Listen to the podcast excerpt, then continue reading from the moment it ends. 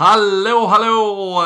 Och eh, varmt välkomna tillbaka till LFC-podden. Eh, vi eh, har eh, samlat lite extra kraft. Det är eh, tisdag kväll när vi sitter här. Eh, normalt sett brukar det vara måndagen som är release-dag för nya avsnitt. Men vi eh, var ju samlade faktiskt i helgen i ett eh, soldränkt eh, Helsingborg i lördags och eh, körde ett live-avsnitt därifrån som vi eh, körde faktiskt på eh, Twitter, Periscope, rakt ut i våra sociala kanaler, spelade in och eh, det var ju ett avsnitt där man fick lära känna oss i panelen lite bättre.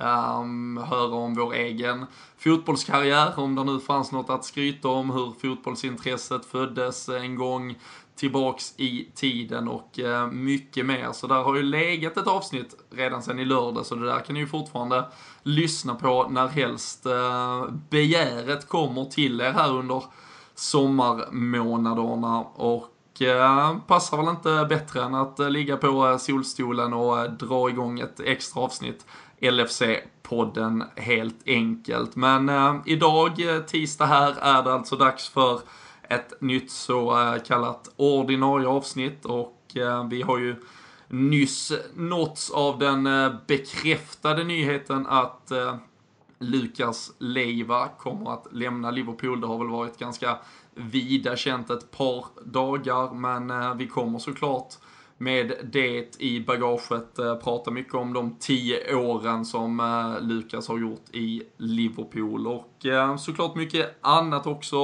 Klubben har ju nu begett sig till Hongkong för att slippa formen en ytterligare match imorgon onsdag mot Crystal Palace.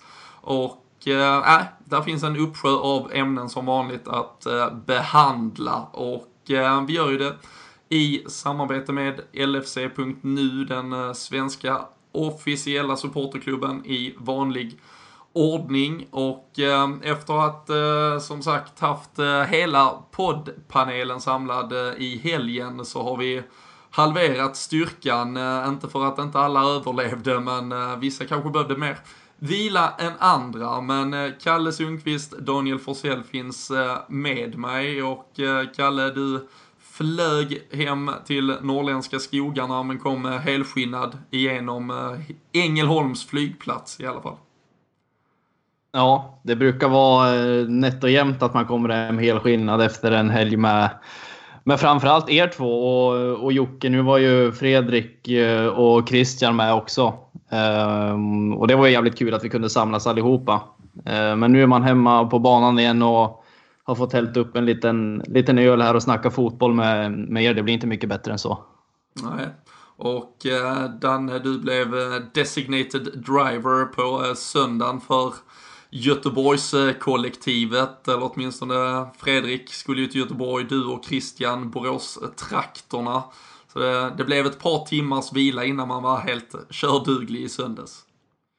Så var det. Man var väl inte helt redo söndag morgon där utan man fick eh, vila upp sig lite och eh, hämta nya krafter och sen, eh, sen var det bara ge sig av på en liten roadtrip igen även om vi slapp lika lång resväg som Kalle givetvis. Så och, eh, nej, det gick bra så vi kom hem helskinnade allihop.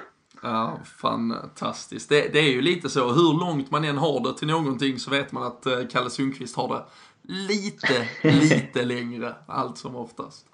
Men eh, så är det ju och eh, som sagt, vi, vi har som vanligt eh, massa heta ämnen att grotta ner oss i den här kvällen och vi, vi får ju någonstans såklart börja, Kalle, i det här som har bekräftats nu här på kvällen. Vi satt ju i lördags när vi träffades så hade det ju bubblat så pass mycket så att man nog kunde konstatera det. Vill man vara riktigt krass kanske vi till och med som var på Liverpools sista hemmamatch för säsongen där mot Middlesbrough konstaterade redan då när eh, just Lukas Leva gick ut efter matchen och, och vad vi nu kan konstatera höll ett avskedstal.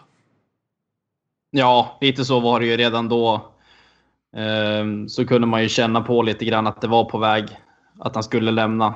Ehm, nu sa vi lite ironiskt här förra avsnittet att han att han skulle bli kvar som vanligt. Men känslan har ju varit en tid nu att han, att han skulle lämna och nu, nu är det ju bekräftat som sagt. Ehm, väntat, men eh, alltid lika tråkigt ändå på något vis när en av de här trotjänarna lämnar och Lucas Leiva är ju en spelare som är väldigt lätt att älska eh, och jordnära. Så att det blir, eh, blir lite extra när en spelare som han lämnar. Mm. Vi ska ju såklart komma in på de här tio åren som sagt. Bara, bara det, det är ju en, eh, en siffra som man eh, numera i ett eh, ja, ett fotbolls-Europa där varenda fönster är svängdörrar rakt ut och rakt in mellan klubbar så är ju det något något ganska enastående. Det är alltså eh, över 300 matcher för Liverpool eh, och, eh, och så vidare egentligen liksom. Men, men den, eh, de, när, man, när man nu liksom, man, det känns som att man har, man hade ändå gjort sig bekväm med känslan av att, av att det var dags och, och, och kunde det egentligen bli bättre än som det nu ser ut att bli, att det dessutom är till ett, ett Lazio och eh, liksom på något sätt, ja men jag vet inte, en värdighet som, som har saknats vid vissa tidigare fönster när det har ryktats. Jag, jag tycker värdighet eh, egentligen är, är helt rätt ord. Det har ju varit eh, rykten kring Lukas egentligen de senaste eh, tre åren i alla fall känns det som. Och det känns som han nästan har varit på väg bort varje gång. Och nu tycker jag väl att det, det känns naturligt för alla parter. Det är en bra övergång för honom tror jag. Det är en bra övergång för klubben och, och fansen dessutom. Vi som sitter här kan känna oss ganska nöjda med att han inte behövde smyga ut bakdörren eller att han behövde hamna i eh, någon, någon turkisk B-klubb heller eller någonting. Utan det känns ändå som att han, han kommer kunna få prestera på en, eh, en bra nivå som passar honom. Och eh, nej, jag tycker det känns värdigt som du sa. Det, det är väl egentligen ordet som kan sammanfatta det. Mm. Ehm, det finns eh, såklart spelare som har eh, spenderat klart mindre än eh, 10 år i en klubb och kanske åstadkommit, om vi nu ska ändå vara lite sådär halvhårda, mer än vad Lukas Leiva åstadkommer när vi kommer att titta i vissa kolumner titelmässigt. Kalle, så är det en ligacuppokal. Målmässigt är det sju mål inte heller varit en utpräglad spelare som skulle kanske bidra med det. Men eh, det är alltså över 344 matcher. Detta, hur, eh, på något sätt, eller vi tar det lite kronologiskt. Han kom in som en ung, talangfull, 20-årig brasse till Liverpool i ett Rafa Benitez som byggde något väldigt spännande 2007. Hur eh, minns du, när man minns tillbaka på den här långhårige unge brasilianaren som kom in på Merseyside, eh, vad, vad väcker det för känslor hela den här resan? Ja, det har ju varit, han beskrev det ju själv när vi var på plats där i, i intervjun han gjorde efter matchen där, att det hade varit som en berg och dalbana. Eh, och det är väl ganska talande för hur hans tid i Liverpool har varit. Han kom in som en eh, offensiv mittfältare som skulle eh, göra mål och ung och lovande. Så det var ju lite av en prestigevärvning ändå, trots att inte så många visste vem han var. Eh, sen har det väl blivit allt, annan, allt annat än vad det var tänkt egentligen. Och ändå har blivit något så, så väldigt fint av det, eller vad man ska säga. Men i början där när han kom in så kunde inte jag och många med mig, tror jag, i sin vildaste fantasi förstå varför Benitez spelade Liverpool. För att han var ju, han var ju inte bra. Eh, och det har han väl mer eller mindre uttalat själv också, att han, att han, att han inte var. Eh, sen har han ju med tiden blivit den här spelaren som har, ja, vad ska man säga, han har accepterat många olika roller som kanske inte andra spelare har velat ta i. Han har fått släcka lite bränder på, på olika positioner och, och under en tid eh, så var han ju en av Liverpools Ja, han var ju Liverpools eh, överlägset bästa defensiva mittfältare och en av de absolut bästa i Premier League. Så att det har varit ja, upp och ner. Man har aldrig vetat vad som har väntat runt nästa hörn eh, när det gäller Lukas. Så det har väl varit lite, lite av det charmiga också med honom tycker jag. Mm. Och eh, samtidigt eh, som du säger, för han, eh, han kom ju in som eh, oprövad så sett brasilianska ligan. Han kom in i ett Liverpool som nyss faktiskt han, eh, det är ju, ja, tiden går snabbt, eh, det är svårt att sätta perspektiv. Vi hade nyss spelat en Champions League-final bara två månader tidigare mot eh, AC Milan. Vi, även om vi till stund och hade det tufft i ett ligaspel så hade vi alltså varit ute och liksom slagits med de absolut största i Europa. Här kommer Lukas och han gör faktiskt 18 ligastarter direkt sen, eller ligamatcher ska sägas, det var inte alla som var starter, men 18 framträdande i Premier League en första säsong. Och Eh, jag vet inte, Rafa Benitez eh, spelade, spelade ett högt eh, spel vad gällde Lukas Leva. Han, han, om någon, trodde ju verkligen på honom inledningsvis i alla fall. Absolut, det gjorde han ju. Jag tror alltså det som känns i, under hela hans tid egentligen har väl varit att det har funnits mer att ta ifrån någonstans. Och det känns väl inte som att han under de första, ja, första säsongen och de följande där fick riktigt den utväxlingen som man hade hoppats på. Och det blev väl egentligen så att han fick hoppa runt lite och, och han bytte ju till och med...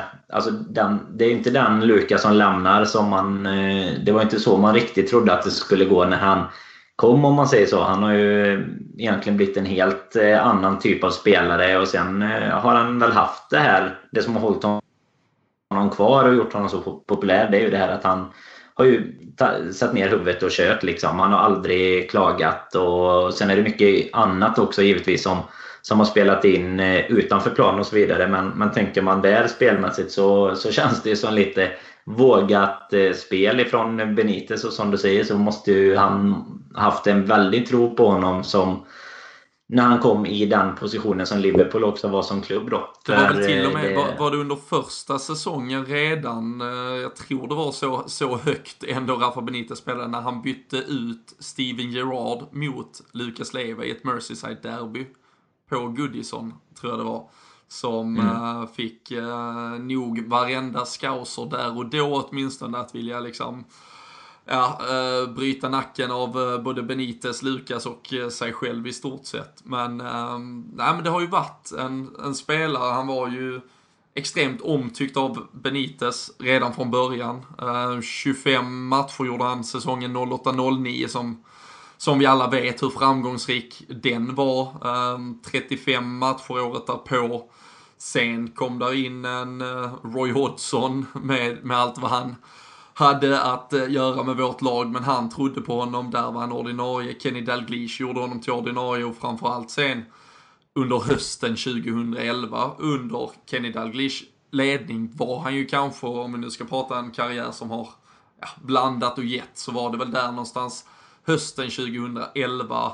Jag minns själv, jag var på plats och så när vi mötte Manchester City hemma i en 1-1 match där han var han var verkligen fullständigt lysande. Det var väl i samma veva som man liksom, han hade under fyra års tid fått liksom bearbeta ett, eh, ett förakt från egentligen en hel supporterkultur och nu liksom bara tryckte det tillbaka i huvudet på folk. Han plockar bort Yahya Touré, han plockar bort David Silva, han ägde mattan fullständigt och två dagar senare så går han i sönder mot Chelsea i ligacup-kvartsfinalen. Men äh, Kalle, känner, känner du igen känslan där, där och då fotbollsmässigt? Eh, har han varit bättre än vad han var där under ett par månader hösten 2011? Nej, det tycker jag faktiskt inte. Eh, som sagt så tycker jag att han var en av de, en av de absolut bästa defensiva mittfältarna i, i Premier League då. Eh, jag vet att många andra som som jag pratade med under den tiden som inte håller på Liverpool argumenterade ganska starkt för att jag var helt ute och cyklade. Man, man kan ju vara lite färgad, men jag tycker jag står för den åsikten. Eh, och det var väl egentligen under den tiden, känner jag, som kanske blev den, den stora vändningen ändå för Lukas på något sätt. Han vart accepterad av alla mer eller mindre under den tiden när han, när han visade att han att han kunde prestera på den nivån han gjorde då. Eh, så att eh, jag håller med dig helt och hållet där om att det är hans absolut bästa tid i Liverpool. Och eh, sen dess, Danne, så, så har du ju sjungit och där och då blev han ju på något sätt också kultspelaren känns det som. Eh, you two-faced bastards, you said he was shite. Och, och sen dess har han han har liksom varenda säsong hittat något för att bara liksom trycka in ytterligare en pil i hjärtat och eh, fått fans att, att känna en kärlek till honom. Oavsett vad han har presterat egentligen. Absolut, han har ju verkligen vänt hela... Det är ju, det är ju ganska häftigt egentligen att han verkligen har vänt hela det hatet eller föraktet eller vad man ska, hur, hur hård man nu ska vara. Men det som var, allt var ju emot honom egentligen och det är ju grymt starkt att som person lyckas vända i samma klubb på det sättet. Eh, man kan ju tänka sig att man kanske efter två, tre säsonger och det har gått tungt kan, kanske skulle lämnat eller velat lämna. Men eh, nej, han har ju verkligen kört på sen så de senaste åren egentligen så har han ju verkligen varit en, en kultspelare och älskad av av alla. Och det är ju dels för hur han har tagit till sig klubben och hur han tar hand om nya spelare och hela den biten som jag tror hjälper mycket i det också. Så det är ju som, som vi nämner här att det är kanske inte hans spelmässiga insatser som har gjort honom till, till en Liverpool-legend. Liksom, utan det, det, är många andra bitar som har, har tagit honom eh, längre upp i klubbhierarkin om man säger så. Mm. Det, är ju, eh, det, det, blir ju lätt eh, så i, i i sådana här tider också. Man, man sätter sig, det sprids såklart i alla sociala medier, klipp, eh, och bilder, texter, videos, allt möjligt. Eh, jag tycker en av dem eh, som också, eller ett av klippen som har fångat mig, jag ska, vi försöker få ut det på våra, eh, på både på vårt Twitterkonto åtminstone, vi sprider det där vi kan när Brendan Rodgers också står och håller ett av sina får man ju ändå ge Brendan Rodgers att han kunde faktiskt vara ganska bra på att hålla ett eh, klassiskt brandtal till, till sina spelare och där har han ju en en Lukas Leiva som står skadad i omklädningsrummet eh, tillsammans med spelarna, eller han är precis tillbaka från skada.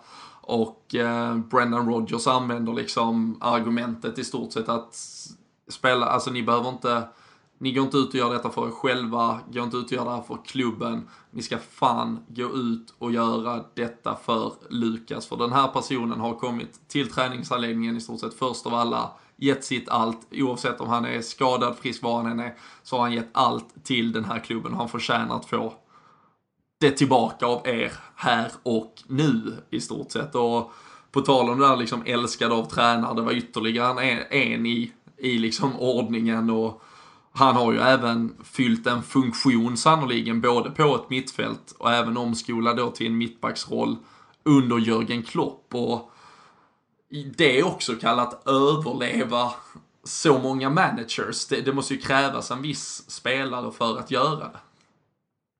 Ja, men absolut. Eh, så är det ju. Och det visar väl egentligen på hans karaktär och den personligheten han har. Utan jag tror inte att man klarar av att att, som du säger, överleva alla olika managers som man har haft och egentligen haft olika roller under, under många olika managers också. Eh, utan att ha den karaktären, utan vara den personen han är. Eh, han är en spelare som har, som vi kunde se nu på ett klipp som, som kom ut här under dagen och, och eftermiddagen där olika spelare träder fram och tackar Lukas för vad han har betytt för dem. Eh, och han har ju varit en väldigt viktig spelare för truppen på många olika sätt vad det gäller spelare som har kommit till klubben och spelare från andra länder som kanske inte har pratat engelska och han har varit en, ett bollplank och hjälpt dem in i Liverpool. Eh, så att, eh, att ha den karaktären och vara den personen som han, som han är och har varit under sin tid i Liverpool, det tror jag är en av de största orsakerna till att han, till att han har varit kvar och överlevt så länge. För spelmässigt alla gånger har han inte kanske varit eh, Liverpool-mässig om man ska säga. Trots att inte Liverpool har haft sina, sina bästa år eh, genom, genom historien på senare tid. Men ja, jag, jag håller med dig där om att eh, den karaktären han har haft har, har varit till stor nytta för, för honom. Mm. Vi har ju, man har ju kunnat se om man följer eh, spelarnas eh, egna eh, sociala medier har man kunnat förstå egentligen utan att vara någon form av raketforskare att framförallt den, om vi ska kalla den den spansktalande, portugistalande armadan av Alberto Moreno, Filip Coutinho, Roberto Firmino. Det är ju spelare som Lucas verkligen tog till sig. Luis Suarez och Lucas fantastiska vänner vid sidan av planen och eh, Danne, du, du refererar ju till klippet innan. Det är ju många som pratar om liksom en, en hel familj kring den här Leiva-klanen som liksom bjudit, varit de första till att bjuda in till ett kalas. Alltså det, det, det blir ju såklart små liksom, petitesser när man pratar världsfotbollen, pengar som kastas till höger och vänster. Men ja, är det här något som, som man liksom glömmer bort att värdesätta när man, när man pratar och skriker resultat och spelar som bara, äh, bort med han och hit och dit? Ja, men det, det, tror jag absolut. Jag tror att vi underskattar, eller alla fans egentligen underskattar liksom betydelsen av det, den kulturen som finns bland spelarna i klubbarna. För det är klart att den har också ändrats under de senaste åren när det kastas eh, pengar på dem egentligen. Eh, det spelar ju inte så stor roll vart du hamnar i Premier League nu. Du kommer ju inte behöva, behöva jobba så mycket efteråt i alla fall. Men eh, det, det, är väl någonstans så att en viss typ av spelare dras även till en säkerhet där man kanske känner att till exempel en Filip Coutinho eh, kan jag tycka verkar ha det betytt väldigt mycket för. För han och Lukas har man ju sett mycket. Sen har ju Firmino tillkommit på det. Moreno med i deras, Eh, i deras lilla klan där. Men sen var det ju lite spännande på just det klippet som det var Liverpool själva som la ut det på sin officiella Twitter och eh, där Dennis Darwich berättar om hur han fick hjälp in i klubben och Milner berättar om hur, hur mycket han har hjälpt honom. Så jag, jag tror det har varit brett bland alla spelare egentligen och han har nog varit lite så här, dels givetvis för att han har varit så pass länge i klubben men han blir liksom lite så lag, lagpappa, en lite kapten utanför plan om man säger så som som liksom vill att alla ska trivas och eh, det, det verkar ju onekligen som att han har varit den typen av människa vilket bara gör det man blir ännu varmare i hjärtat liksom av, av att se sådana saker. Mm. Och vi ska ju inte, vi ska inte ta eh, de här inledande 22 minuterna här nästan av, eh, av en hyllning till Lukas Lever och skrynkla ihop helt och hållet. Men, men Kalle, du var samtidigt inne på att det under de här 10 åren inte har varit de mest framgångsrika åren för, för Liverpool. Och ehm, jag nämnde det innan, det är alltså en ligacuptitel 2012 en final då han faktiskt var skadad. Han missade, han har alltså inte varit egentligen direkt med och vunnit en enda titel med Liverpool och den, den taskige och det kan man ju ändå se liksom i, eh, i ja, diverse sociala medier och så vidare att man kanske ändå uttrycker det som någonstans att det här är ett bevis på att mediokerhet inte längre accepteras. Nu, jag tror ju det, väg, det är så mycket mer som ska vägas in i detta. Det här var ju det här var läget då Lukas Leva skulle vidare oavsett vad. Men äh, finns där också ändå en aspekt. Är, är det talar tio år av att Lukas Leiva faktiskt har startat ett snitt på, eller spelat ett snitt på 27 matcher per säsong om ett Liverpool som har varit för svagt. Alltså det är lite moment 22 men är det ja, Lukas eller klubben någonstans, det, ja, ett svaghetstecken kan många påstå trots allt.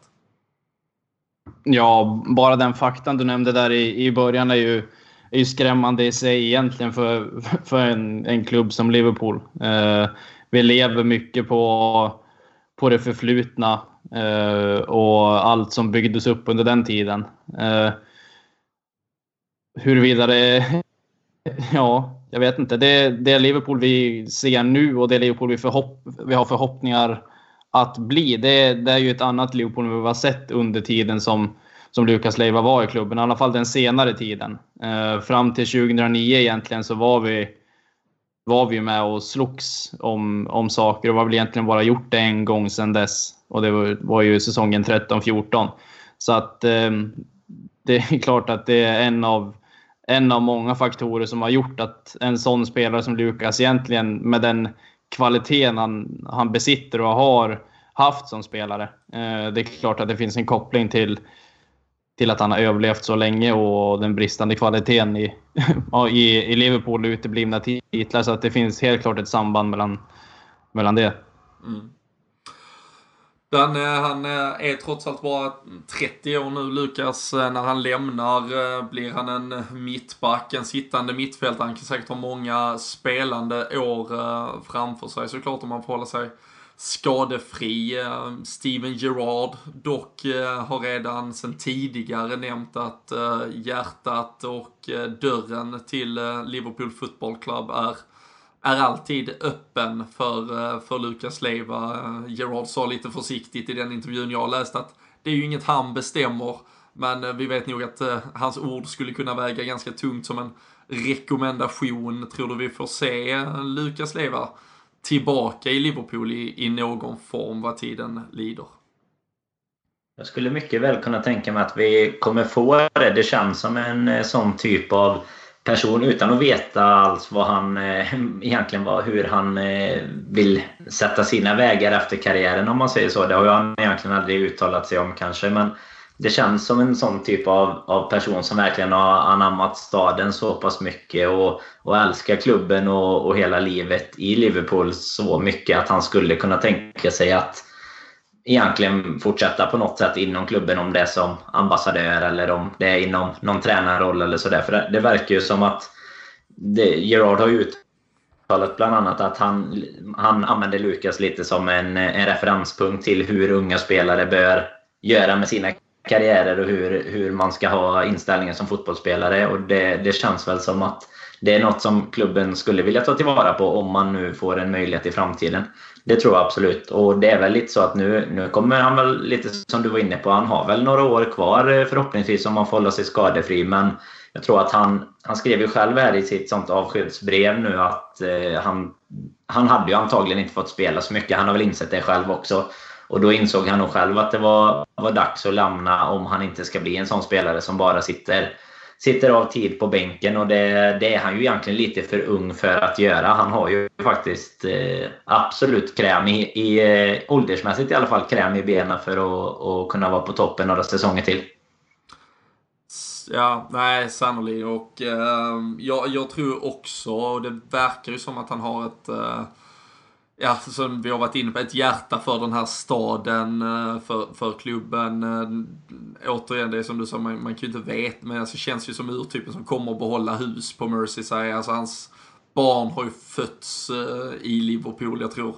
Den här klassiska, han känner sig som en scouser. Han är ju, han har uttalat, det har han ju uttalat själv flera gånger att barnen själva, de, de är scousers uh, through and through. Um, kan säkert få ett par fantastiska år i Rom, men eh, jag, eh, jag tror absolut att eh, han kommer utnyttja den där dörren som lär stå öppen och bör kunna fylla en, en funktion som, som vad jag tror kommer bli i någon form av tränare. Och jag vet ju att hans son spelar ju redan i något av Liverpools pojklag, kommer väl placeras i Lazio nu, vi får se om han placeras i Liverpool vad tiden ger och eh, om det skulle vara någon naturlig väg in i någon form av tränarroll också för yngre lag eller vad som helst. Men, men jag tror absolut att eh, Lukas Leiva kommer att eh, komma tillbaka till Liverpool. Det, det, är en spelare jag eh, absolut har eh, slängt hårda ord mot eh, genom många, många höga, höga berg och djupa dalar. Som sagt en, en karriär som titelmässigt, som man också nämner själv, lämnade väldigt mycket mer att önska. Det har varit en utsatt, eh, tuff tid och återigen det är ett moment 22 påstå att att det är Lukas fel, att eh, han har spelat i ett dåligt eh, lag och så vidare. Steven Gerrard har ju såklart inte heller tillräckligt många titlar till vad hans namn förtjänar. Men Lukas, man kan i slutändan säga väldigt, väldigt mycket. Och eh, där man ändå landar är ju att, äh, även att han har varit fantastisk för den här klubben. Äh, han har äh, funnits där och han har tagit sitt hjärta, sina ben, sina lungor med ut till varenda jävla match han har blivit ombedd att dra på sig tröjan. Och det är såklart något man ska visa förbannat jäkla mycket respekt för. Och det är ju någonstans där också, jag tror det är ett sånt här exempel, jag tycker det är skönt att som supporter få de här ibland, för jag, jag vet att jag själv kan vara väldigt eh, hård vad gäller eh, liksom mina krav på Liverpool. Eh, de är säkert till och med långt över vad man borde ha för, för krav sett till hur vi, vi har presterat. Men i, i den liksom önskan och, och visionen att Liverpool ska vara så fantastiskt bra så kanske, alltså det, då kan det säkert låta som att man nonchalerar en insats som görs av en spelare som Lukas Leva, men, men jag tycker den är svår också att alltid uppskatta under säsong när, när det inte går exakt som man vill. Men jag tycker det är viktigt att poängtera att en spelare som Lukas Leva, på samma sätt som jag tror att när en James Milner eh, skulle lämna ett Liverpool eller vad som helst. Den där typen av spel, man, det är klart som fan att vi älskar den jävla insatsen de gör. Och eh, jag hoppas att folk, folk förstår det och hoppas att folk känner samma där hemma. Och eh, det man eh, nu snackar om, Kalle, det är såklart om han har förtjänat. Det är också lite svårt när man inte avslutar karriären på, på så sätt. Nu ska han ju ändå till till Lazio. Han kan vara aktiv i fyra, fem, sex år till. Men en testimonial-match är det många som skriker om och jag kan säga att på vår Twitter just nu så var den 83-85% som tyckte att klart som fan han ska ha det. Hur eh, ställer du dig till att han borde få en hyllningsmatch eh, för att markera de här tio åren han har gjort i Liverpool? Jag är väl en av dem som, eh, som är för det. Jag vet att på Twitter var det också skilda meningar. Det var många som, som inte tyckte att han skulle ha det också. Men jag, jag, tycker att han förtjänar det. Jag tycker det dels för att han har gjort tio år i klubben och för att han är den, den karaktären han är och den kultspelaren han har blivit inom Liverpool. Eh, sen får man väl väga in nu också i den tiden vi är i nu att det är inte ofta spelare är kvar tio år i en klubb. Eh, förr var det ganska vanligt. Ehm, sen eh, på senare tid, de som har fått testimonials i Liverpool, är Gerard och Carragher och där uppe är han ju inte riktigt. Eh, men eh, får en sån spelare som Michael Carrick en testimonial, då tycker jag, och all respekt till honom, han är en fantastisk fotbollsspelare, men då tycker jag också att, eh, att Lukas förtjänar den för att, eh, som, som jag var inne på, jag tycker han är, han, han är någonting som symboliserar Liverpool eh, utåt. Sami Hyppie gjorde tio säsonger i Liverpool, fick ingen hyllningsmatch. Danne, är Lukas Leva en större spelare i vår anrika historia? Eh, alltså jag tycker inte att han är så jättemycket större, men jag tycker nog kanske snarare att det är ett fel eh, att inte Hyppie fick det, än att eh, Lukas inte ska få det, om man säger så. Jag, jag kan tycka att tio år också är, är välförtjänt av en testimonial match eh, oavsett. Alltså, tio år i A-truppen får man väl säga. Det, det ska inte räcka att du är i en klubb i tio år, men han har ändå snittat, eh, nu, nu minns jag inte vilken siffra du sa, men 27 matcher någonting per säsong. Eh, och då, då kan jag tycka att om man varit en så pass stor del av klubben så länge med alla de andra aspekterna inne, med alla de inräknade så skulle jag tycka att han kan förtjäna en hyllningsmatch. Även om inte jag kanske är något stort fan av, av den typen av matcher i vanliga fall. Men jag tror att det, det är ett eh, bra sätt att visa uppskattning för en spelare som har har gett mycket till klubben under så många år. Men är det inte extremt svårt att ge det till, som sagt vi har nämnt Carragher, vi har nämnt Gerard, nu slängde jag in Sami Hyppie som då inte fick det. Han gick ju också i sin tur, han gick ju faktiskt vidare till ett Bayern Leverkusen där han faktiskt gjorde två, två liksom ändå riktiga säsonger dessutom. Han gick ju vidare och spelade på en ganska hög nivå någon annanstans kan man ändå, alltså när skulle vi, skulle Lukas avbryta eh, säsongen med Lazio eller ska vi hålla den om fem år när han lägger skorna på hyllan? Jag är för att han ska hyllas men jag har väldigt svårt att se hur. Och jag tror, alltså jag är ganska övertygad om att det inte kommer bli en hyllningsmatch för jag kan inte se hur det, då tror jag redan man hade hållit den. Istället har det varit redan testimonial-middagar man har redan satt ihop ett helt, liksom en kavalkad av hyllningar på, på sin hemsida och så vidare. Det har varit förberett länge för det här. Uh, Lukas själv har ju gått ut med ett öppet brev här nu och förklarat situationen. Så jag, jag tror ju inte det blir och jag tänker bara att det rent, jag vet inte, det administrativa. Det... Alltså vad, vad nej, skulle han, ska han flyga tillbaka från Rom när han är Lazio-spelare och hyllas i Liverpool när han faktiskt är väldigt aktiv karriär fortfarande. Ja, det håller jag med om. Jag ser, jag ser ju de svårigheterna också. Eh, det blir ju jävligt fel, som du säger, om han skulle avbryta någonting med Lazio och komma tillbaka eh, nu innan den här säsongen drar igång med Champions League-kval och allt vad det nu innebär så, så känns ju den här sommaren utesluten. Eh, och sen eh, känns det jävligt konstigt om man skulle slänga in den nästa sommar också. Eh, så rent eh, praktiskt så med att få ihop en sån match så skulle den ju redan ha ägt rum egentligen. Eh, för att det har ju varit på tapeten att den ska lämnat. Och både han och klubben har vetat om att det kommer bli så. så att de har ju haft möjlighet att, att hålla den här matchen redan.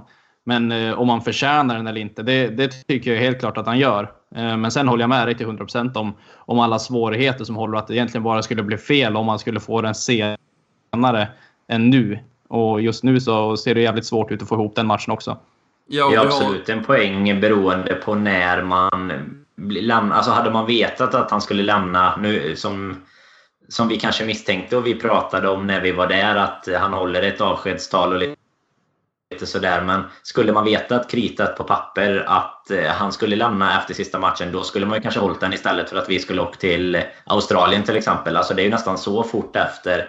Nästan så att spelarna får offra, offra lite semester för att vara med. För det det kan jag köpa fullt ut. att Det är klart att han inte kan...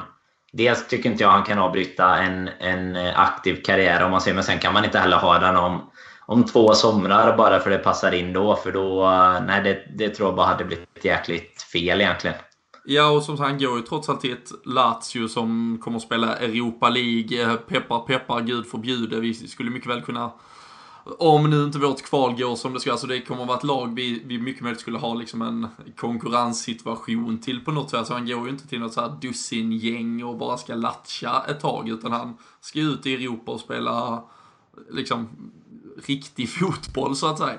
Och eh, nej, jag, så jag, jag är ju med på att Ja, sen tycker jag de här testimonialmatcherna är, är sådär. Jag tycker liksom bara fan, jag tycker att han kommer att bli hyllad och han sitter i så många personers hjärta att han kommer att veta att han har den kärleken finns där ehm, och jag, jag, vet inte om den blir större av att man spelar en eh, dammig fotbollsmatch eh, i hans ära.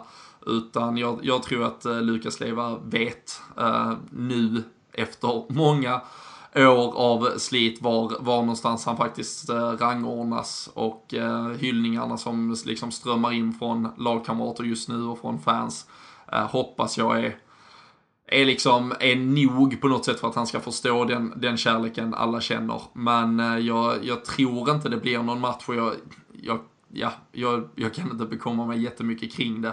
Men, eh, men jag hör ju vad ni säger, att ni tycker att en, en match absolut hade varit något han är förtjänt av och det köper jag in till. Men eh, vi kanske enas någonstans i att det ändå inte blir av för att eh, de borde den vara planerad eller?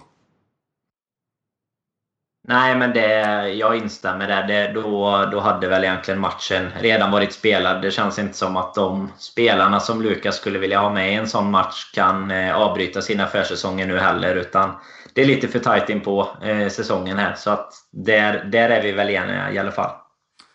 Ehm, låter, eh, ja det, det, känns som att vi ehm, landar någonstans i ändå att eh, han har gjort eh, en klubbinsats, en, ja, en insats för en hel stad egentligen som håller han i väldigt många människors hjärtan för alltid. En titelmässig och ja, tabellmässig insats som lämnar lite att önska. Tio tuffa år vad gäller det. Men uh, att uh, han, uh, han förtjänar alla de hyllningar som går hans väg just nu åtminstone. Och att vi önskar honom all lycka till framöver helt enkelt. vi hoppas att, att ni där hemma känner att vi har fått med det mesta kring Lukas Leva. Men skriv gärna annars era egna bästa minnen, era tankar kring eh, om han borde hyllas ännu mer eller om eh, han borde ja, eh, ha, ha lite kritik för allt det här, eh, alla de här åren nu där han inte bar fram Liverpool till något mer. Eh, det blev kanske inte som man önskade sig. Jag vet inte vad man trodde. Det beror på såklart. Och, eh, men håll, eh, håll gärna dialogen med oss. Eh, ni finner oss alltid på Twitter, att LFC-podden. Eh, där diskuteras det ju alltid eh, flitigt och eh, vi har såklart fått många frågor idag också. Men eh, jag tänkte när vi nu lämnar Lukas Leva här att vi först och främst beger oss eh, över till andra sidan jordklotet ungefär där Liverpool nu befinner sig. Det är försäsongsturnering i Hongkong som gäller imorgon onsdag 14.30 i svensk tid vill jag mena att det är avspark mot Crystal Palace. Och eh, det här Kalle är ju eh, nu då Klopp har faktiskt varit ute och eh, ja, klagat lite. Men nu är det ju då en arrangerad turnering, eh, vi vet hur det funkar med marknadsföringsjippon hela sommaren, men eh, någon har då bestämt att det är en jättesmart idé att man bara får registrera 25 spelare för den här truppen eh, som ska vara med i turneringen. Man vill ju till och med påstå att det är eh, något sådant eh, och så vidare och dessutom har ju då Hongkong nu levererat horribelt väder inledningsvis. Det har inte varit bra träningsförhållanden. Eh, hur, hur känner vi spontant kring att, ja, att massa andra människor plötsligt bestämmer hur man ska försäsongsträna för att pengarna plötsligt är så bisarra som de är? Ja, tyvärr har vi ju kommit dit att det, det är ju pengarna som styr. Eh, så att det är ju väldigt tacksamt för Liverpool som klubb att lägga en försäsongsturné i ett sånt land och vi har haft det nu några år i rad i Asien och lite USA och så vidare. Eh, så att det, det är ju det är bra ekonomiskt för klubben att lägga det där. Eh, sen eh, ska väl det egentligen kanske komma sekundärt för, för spelarnas skull. De ju kunna förbereda sig på bästa möjliga sätt. Eh, nu har det ju varit riktigt eh, dåligt väder. De fick ju panikflytta träningen igår inomhus för att det varit sånt jäkla regnväder. Eh, nu är inte jag någon meteorolog så, men det, det, kan ju vara lite regnigt i, i delar av Asien vid den här tiden på året. Så att det, är klart att, inte, att det inte är optimalt för spelarna att ha det där. Samtidigt har vi ju slutit något eh, jävla däckavtal när vi landade där och det är, ja, det är ett stort jippo allt det där egentligen. Eh, och att det är någon form av turnering för Premier League-lag känns väl också ganska uppriggat för att bygga upp Premier League som, som, eh, som liga i, i, i den delen av världen. Så att det, det är många, som du sa, det är många, många andra som har väldigt stort inflytande över vart sånt här ska läggas och det kanske inte alla gånger är, är det bästa för, för klubben sportsligt så att säga. Nej. Just eh, det här med att man bara fick registrera 25 spelare, den var ju något som eh, Klopp var ute och eh, beklaga sig över. Han tyckte väl det var rent jävla fjolleri om vi ska översätta den.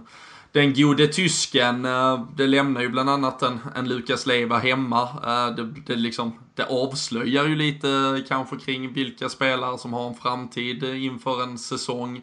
Sadio Mané stannar på Melwood. Han eh, är, sägs ju nu vara en vecka lite drygt ifrån liksom full fitness. Har ju fortfarande återhämtat sig. Annars eh, så kan man väl noterbart se att en Mamadou Sakho fortfarande inte är i truppen. Visserligen har det varit skador till och från där också, men vi vet ju alla att det florerar rykten. Lazar Markovic är inte med. Shedji Odjo, en annan, sägs ju också vara på väg mot kanske ett Middlesbrough, ett Newcastle. Det har ryktats lite här och var. Pedro Chirivella, några andra som var med på försäsongs, eh, de första försäsongsmatcherna. Vad, vad tycker du dels kring det här med liksom bara 25 spelare och ja, spelarna som har lämnats hemma? Vad, vad ger vi för chanser till dem eh, för resten av säsongen, kanske då utöver Sadio Mané? Om vi börjar med den här 25-mannatruppsbiten så kan jag ju bara hålla med vår eh, tränare Klopp där att det är ju helt... Jag, jag förstår inte hur man kan göra så. Igen, även om de vill bygga varumärke för klubbarna och för Premier League så förstår jag inte hur man kan göra så i en sån eh, del av försäsongen som vi ändå är nu när man behöver, även om vissa spelare kanske nu inte är tänkta till att ingå i truppen sen, så behöver man ändå försöka sammansvetsa både lag och trupp och, och hela köret. Jag tror det är ett sätt för dem att försöka göra det mer det är lite som med International Champions Cup eller vad den heter som är på försäsongen där. Men jag tycker det känns som de försöker liksom göra ytterligare turneringar som de försöker göra legitima till och vara någon jävla riktig titel på sikt. Liksom. Jag, jag fattar inte alls varför man inte skulle kunna ta med alla man vill och så bara registrera några till varje match eller någonting. Då, om det, alltså just för det, det, det blir ju inte... Alltså det blir fel att ha en försäsong när, när du ska åka med en, en jäkla Champions League-trupp eller någonting.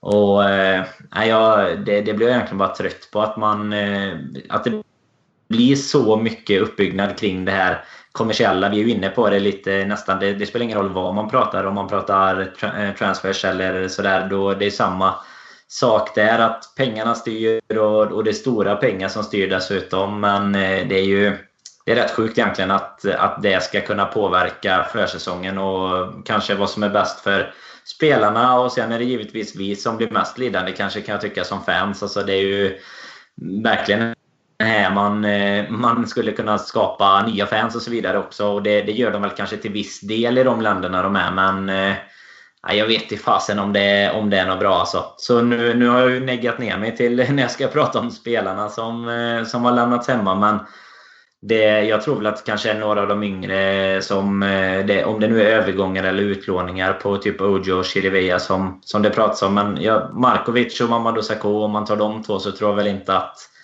de kanske innan eh, det blev ett krav på 25-mannatrupp heller var, var jättepåtänkta. Även om det har ryktats lite om att Sakho ska få en, en ny chans och så vidare. Men jag tror väl att eh, klubben jobbar för att, att hitta nya adresser till dem faktiskt. Det tror jag. Ja, nej, och det, det är ju känslan absolut vad gäller de här spelarna. Samtidigt Det är det ju verkligen att sätta liksom kniven eh, rakt i i alla former av eh, chanser som skulle kunna finnas när, när man liksom tvingas att uh, slakta redan efter ja, en veckas försäsong i stort sett. Det är ju en, eh, en eh, halvlek mot eh, Tranmere som såklart kanske hade varit för, ja, begärts mer att önska från en Lazar Markovic och så vidare. Men man hade ju kanske velat se, det, det är ju liksom nu om någonsin man hade velat se de här spelarna och ändå ge dem en chans att spela sig in i någon form av ja, plan om det skulle finnas möjlighet. Men det, ja, det är hårda bud och eh, en eh, trupp eh, som då var tvungen att bantas ner. Och tittar man på den så, så är det ju i stort sett liksom vad som mycket möjligt är ut, början åtminstone på någon Premier League-trupp eh, också. Vi har Danny, vi nämnde Sadio Mané, vi har Danny Ings också som än så länge inte matchas eh, i liksom eh, riktigt 11 mot 11 spel här. Men annars är det ju, eh, börjar liksom ta form och eh, transfermässigt så eh, där är frågor märker jag i våra kanaler. Det är samma namn som nämns. men Tänkte först eh, lite snabbt här, ni var inne på eh, jippodelen och Kalle, Liverpool hade ju inte hunnit landa i Hongkong. Jag tror till och med det var på flygplatsen i stort sett man presenterade sin eh, tredje tröja. Du nämnde en däckpartner, men eh, tredje tröjan framförallt är lite spännande att nu alla tröjorna är släppta för säsongen och vi har ju tagit ett äh, inledande avsnitt ju verkligen, eller det var ju då sista avsnittet i stort sett på förra säsongen när hemmatröjan hade släppts. Den fick ju fem getingar av fem möjliga, men äh, vad tycker vi om äh, hela uppsättningen tröjor, dräkter vi kommer bära kommande säsong? Ja, som du sa, första, första stället är ju det det absolut snyggaste under den tiden jag har hållit på Liverpool tycker jag. Eh, det tycker jag är jäkligt, jäkligt fräscht. Ehm, andra stället, om jag ska dra, dra mina åsikter om alla tre här så får väl ni säga ert sen. Men andra stället tycker inte jag heller är, är så jäkla snyggt faktiskt. Jag tycker det ser jävligt tråkigt ut, rent ut sagt. Ehm, Tredje stället som vi presenterade nu nyligen det är ju rätt fränt. Vi har ju kört så några, några säsonger i rad nu med lite, lite olika färger som ska sticka ut lite grann. Och det är ju snyggt på sitt sätt. Men samtidigt gillar jag när man försöker hålla det till det här enkla. Eh, rött, vitt, svart åt det hållet. Eh, men eh, vi kommer ju inte ha det där stället så jäkla många gånger den här säsongen. Så förhoppningsvis är det rött säsongen igenom. Mm. Danne, jag, jag vet ju av erfarenhet att du vattnas lite inför ett par orangea shorts. Du brukar ju hugga Mignolets målvaktsshorts i eh, suspekta färger för att ha liksom och ligga och götta sig på söndagen till fotbolls, eh, fotbollsgodiset som serveras. Men eh, tröjet och hela eh, uppsättningsmässigt det vi har, vad tycker du? Nej, det blir inte mer sant än, än så. Och som du säger i alla fall. Det, jag, jag gillar ju den här eh, orangea, det orangea matchstället det som kom nu. Och det är väl mer för att jag, jag alltid har varit svag för just den typen. Inte kanske att det passar att jag tycker att det passar oss eh, perfekt. Utan jag vill också lite mer för den här klassiska att man, att man kör sina färger. Men om, om jag ska ge dem eh, liksom individuella eh, omdömen så, så tycker jag att eh, tredje stället är, är eh, riktigt bra. Första stället är jäkligt bra, men jag tycker väl att borta stället är lite mer beige. Även om jag tycker att det är helt okej. Okay, men tycker inte att det är... Jag, jag, ser hellre att vi får spela tredje stället om, eh, om, vi ska, om vi ska iväg på någonting. Så eh, jag tycker den är lite, lite tråkig sådär kan ju vara vårt, eh, det orangea kan ju vara vårt vinterställ, precis som man byter till vinterbollen där i Premier League, den här gula, så vi syns ordentligt. Men, ja, det blir bättre våra, än vårat det här toxic-färgade i alla ja, fall. Där var det ju vi... lite problem när det var stewards på läktarna, eller så här ut med sidlinjerna. Det ser ut som vi var en del av funktionärsskaran, vissa det var ju knappt tvn klarade av det liksom. Det bara blurrade för det var så jäkla ljust. Han hade aldrig sett den färgen innan tror jag inte. Ja, det var lite bild, bildbehandling och, ta hand om det. Men, äh, men jag... Alltså jag, framförallt, jag är lite besviken på att ni eh, känns som ni talar ner andra stället. Jag, fan, jag gillar det. Jag tycker det är rätt schysst. Det är ju en en uh, liten copy på, uh, vad kan det ha varit, 93, 94, 94, 95 någonstans. Vi körde samma variant. Man har ju sett uh, Robbie Fowler skorra ett uh, par, eller ja, väldigt många mål i, i det där kittet. minns jag, då var det ju lite mörkgrönare rutor men jag är fan svag för det ändå faktiskt. Så jag tycker det är en stabil uppsättning dräkter. Det var ju liksom inte den här Warrior-introduktionen som de eh, klämde av de första säsongerna i som styrande. Um, den här uh, lila med slivarmarna och, uh, och lite annat som har som kanske har varit uh, sisådär. Jag tycker fan uh, det här får som helhet får det nog fan någon uh, fyra av femma ändå tror jag. Kalle, jag vet inte om du kan summera alla tre som något paket, uh, paketpris och sätta poäng eller? Uh... Är det bara första tröjan fortfarande för dig? Nej, det tycker jag inte. Ehm, det är väl egentligen eh, andra stället som du gillar där som jag kanske inte gillar jättemycket. Nu har jag ju inte sett det i action än, så det kanske, det kanske hinner ändras under säsongen. Men eh, jag skulle sammanfatta det i någon form av bra Primark-deal på tre av fem där. Så att strax under det. Jag tycker inte att det är dåligt, men eh, första och tredje stället, det tycker jag är snyggt faktiskt. Ja. Danne, vi vet ju att eh, som sagt tredje shortsen får dig att spåra lite. Balansera resten upp eh, betyget. Ja, jag är egentligen... Det, det är nästan så nära en femma det kan komma, men eh, det är lite bärs andra stället. Ger nog en, en fyra och en halva i alla fall. Men det är egentligen det första tröjan som sagt som, som verkligen drar upp det. det jag, jag måste, ja, vi, vi hyllar ju den även i slutet på förra säsongen som du var inne på. Men det är fasen en av de snyggaste tröjorna vi har haft. Alltså. Och... Första stället är ju, det är ju 5 plus rakt igenom. Alltså det tycker jag är, som jag, som jag nämnde tidigare, det är det snyggaste vi har haft någonsin. Sen, eh, sen vi kom in i bilden i alla fall. Och eh, Twitter var ju inte sent med att eh, photoshoppa in eh, Virgil van Dijk, holländsk eh, landslagsman, eh, nu heller. Kan det vara en är det en flört mot våra potentiella transfer targets, eh, hur vi väljer våra tröjor? Ja, det är en solklar hyllning skulle jag säga till de, de orangen med, med lite taskigt uttal kanske. Ja. Lite så att man hade varit sugen på att Dirk Kuyt tog en säsong till kanske i tröjan.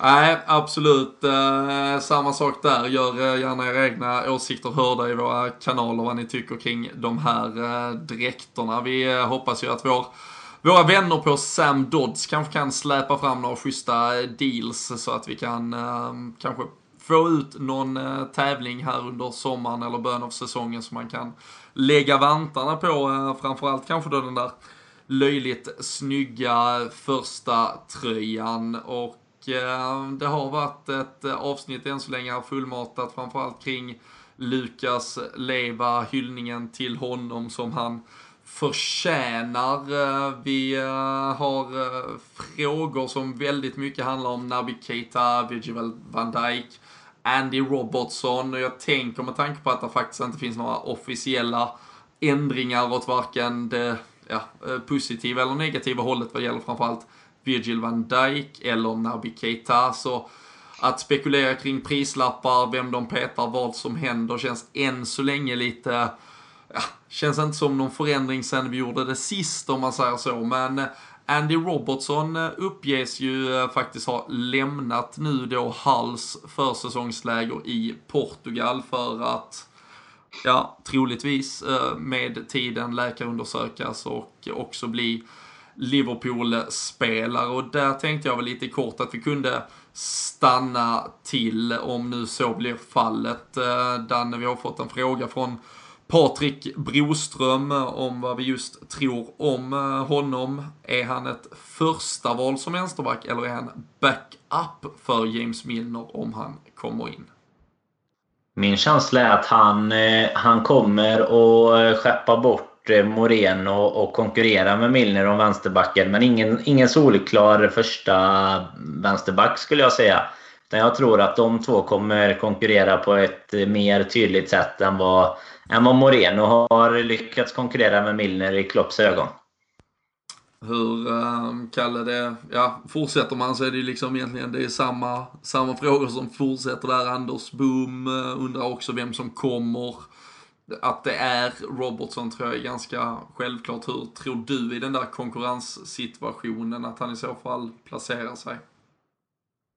Nej, jag är väl helt enig med Danne där egentligen. Uh, ursprungstanken med det här ser väl jag just nu inledningsvis på säsongen i alla fall kommer ju Milner i mina ögon fortsätta. Sen får man se vart efter säsongen går. Kanske han kan fasas in sakta men säkert. Uh, jag ska väl vara ärlig och säga att jag såg inte allt för många halvmatcher förra säsongen, så jag har inte sett, sett honom en hel Premier League-säsong som han har gjort med många andra spelare. Uh, men Moreno verkar ju ha, ha gjort sitt och, och, Robertson kommer väl in som en ersättare till honom egentligen. Eh, så eh, Milner i första hand där skulle jag säga. Mm. En eh, fråga man får där när det pratas mycket vänsterback eh, som vi har fått i vårt flöde sen Danne, det är däremot på högerbacksplatsen där många har varit eh, tidigt imponerade nu här då på försäsongen av Trent Alexander-Arnold eh, mot Tranmere i den absolut första matchen så spelade han ändå i vad som sågs som det lite bättre laget. Eh, snabbt började folk eh, liksom gå igång på högvarv. Hur eh, tror du att det kan vara säsongen redan nu där eh, Alexander utmanar Nathaniel Klein om eh, högerbacksplatsen som, som vi ju har lyft upp som ett litet orosmoln också? Jag tror att eh, Klein kommer ju...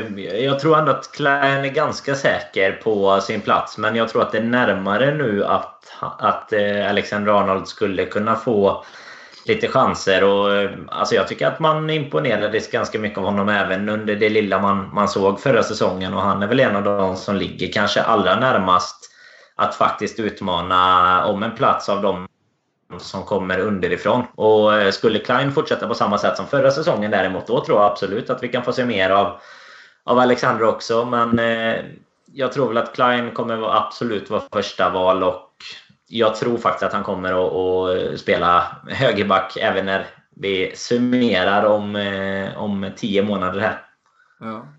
Jag, jag ska ju villigt erkänna att jag inte heller var så här bland de första då redan under förra säsongen som liksom fångades helt av Alexander Arnold eh, på så sätt att jag kanske är lite Återigen lite, lite kräsen och krävande, tycker inte bara att uh, ungt och, och nytt och spännande att det är per automatik och att han har då historien i Liverpool att det gör honom till liksom någon som ska rakt in i en, i en elva som, som vissa skrek om väldigt tidigt. Men, men det som var befriande att se, om än bara på träningsmatchsnivå, det var ju att Alexander Arnold mm, liksom gjorde egentligen det omvända mot vad Nathaniel Klein har gjort hela säsongen. När han har vänt hemåt, tagit det enkla valet, så, så hela tiden när han fick chansen så, så satte ju Trent bollar in i boxen. Det var hårda, låga, distinkta inspel. Han ville liksom skapa, han ville låta det hända någonting. Han vågar löpa, han litar på sig själv också i att, i att kunna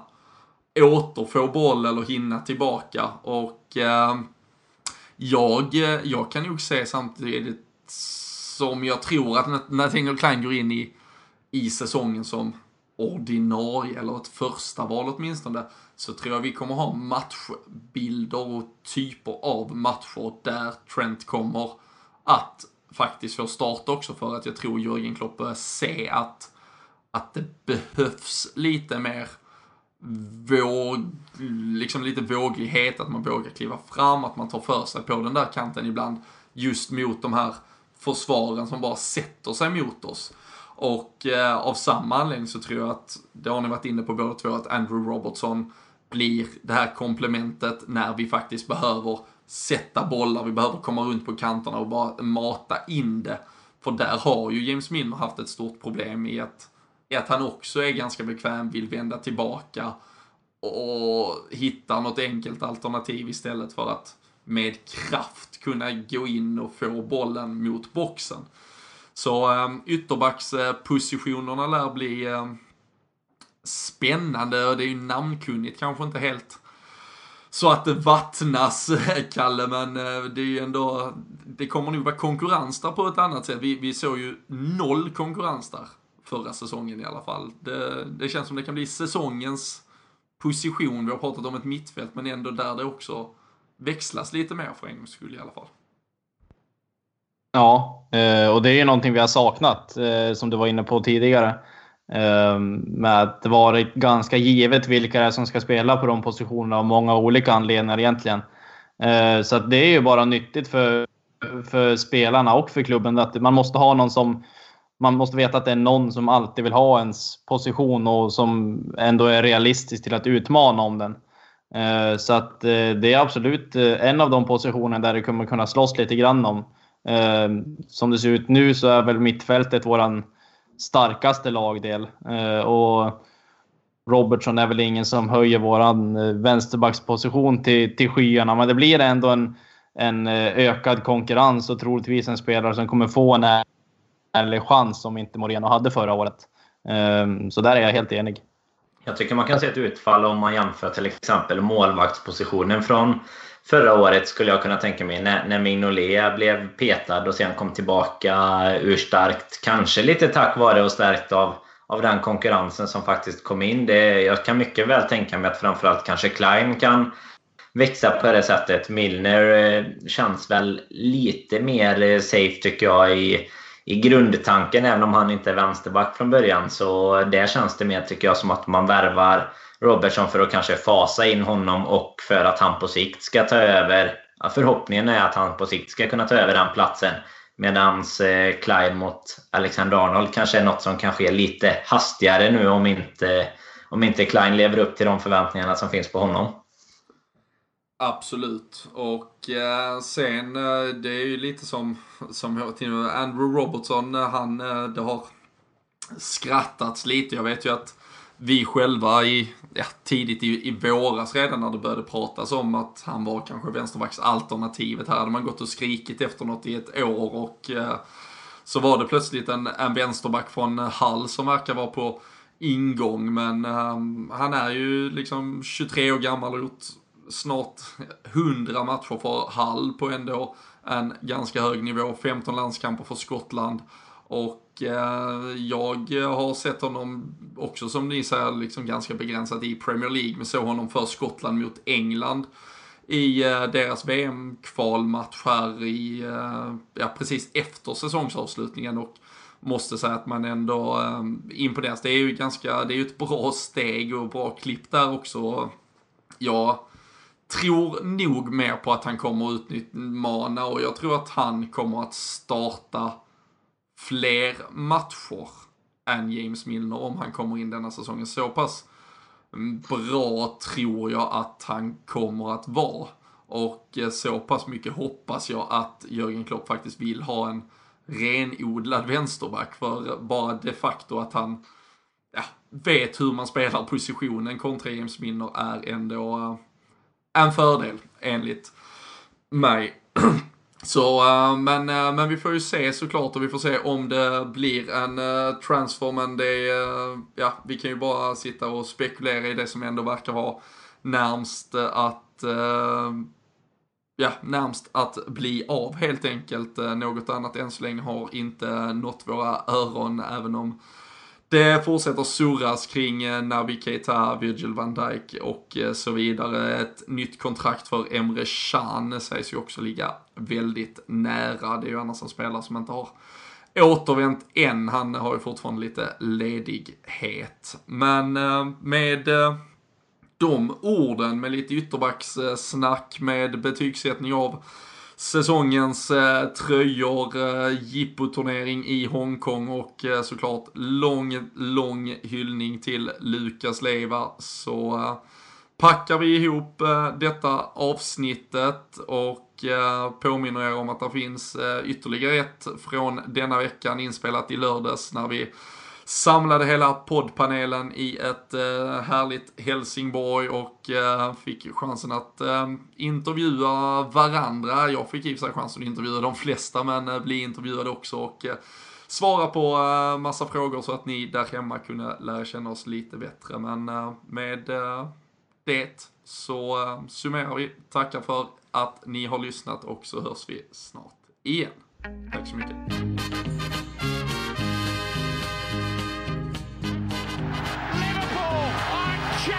of yours.